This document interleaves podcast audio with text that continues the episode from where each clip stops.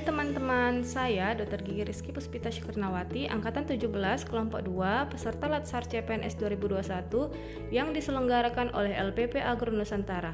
Pada kesempatan podcast kali ini, saya akan membahas tentang etika publik. Selamat mendengarkan. Etika adalah refleksi atas baik atau buruk, benar atau salah yang harus dilakukan atau bagaimana melakukan yang baik atau benar. Kode etik adalah aturan-aturan yang mengatur tingkah laku dalam suatu kelompok khusus. Sudut pandangnya hanya ditujukan pada hal-hal prinsip dalam bentuk ketentuan tertulis. Adapun kode etik profesi dimaksudkan untuk mengatur tingkah laku atau etika suatu kelompok khusus dalam masyarakat melalui ketentuan tertulis yang diharapkan dapat dipegang oleh sekelompok profesional tersebut tersebut.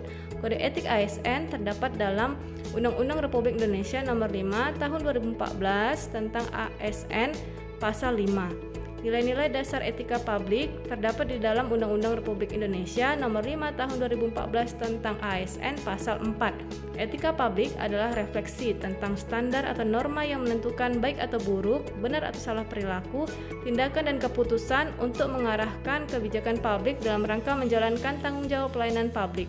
Dimensi etika publik ada tiga prinsip, yaitu dimensi kualitas pelayanan publik, dimensi modalitas, dan dimensi tindakan integritas publik.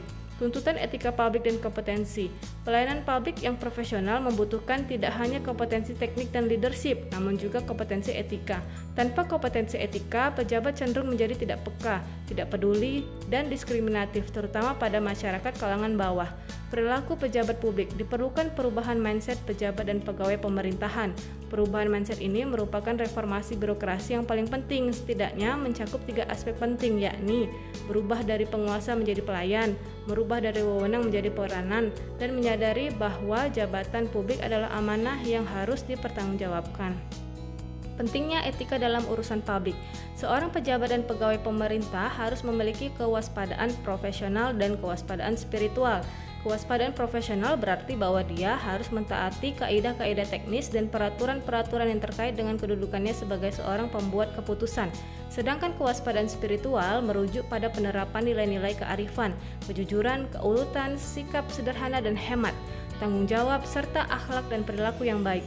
Agar etika publik dapat dihayati dan dilaksanakan secara menyeluruh, para pegawai tidak cukup hanya diberikan definisi atau rumusan norma yang abstrak tanpa rujukan yang jelas mengenai kewajiban dan larangan yang berlaku. Di sinilah letak pentingnya kode etik bagi aparatur sipir negara atau PNS pada khususnya.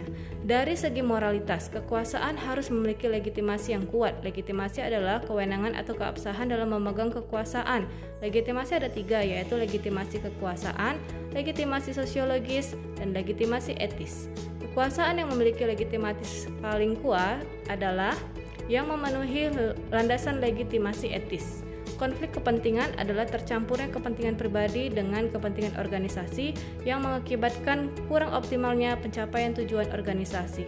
Paham idealisme etik mengatakan bahwa pada dasarnya setiap manusia adalah baik dan suka hal-hal yang baik. Oleh karenanya, para pejabat dan pegawai pemerintah perlu terus diingatkan akan rujukan kode etik PNS yang tersedia. Sosialisasi dan sumber-sumber kode etik itu beserta penyadarannya harus dilakukan terus-menerus dalam setiap jenis pelatihan kepegawaian. Demikian podcast saya hari ini. Terima kasih.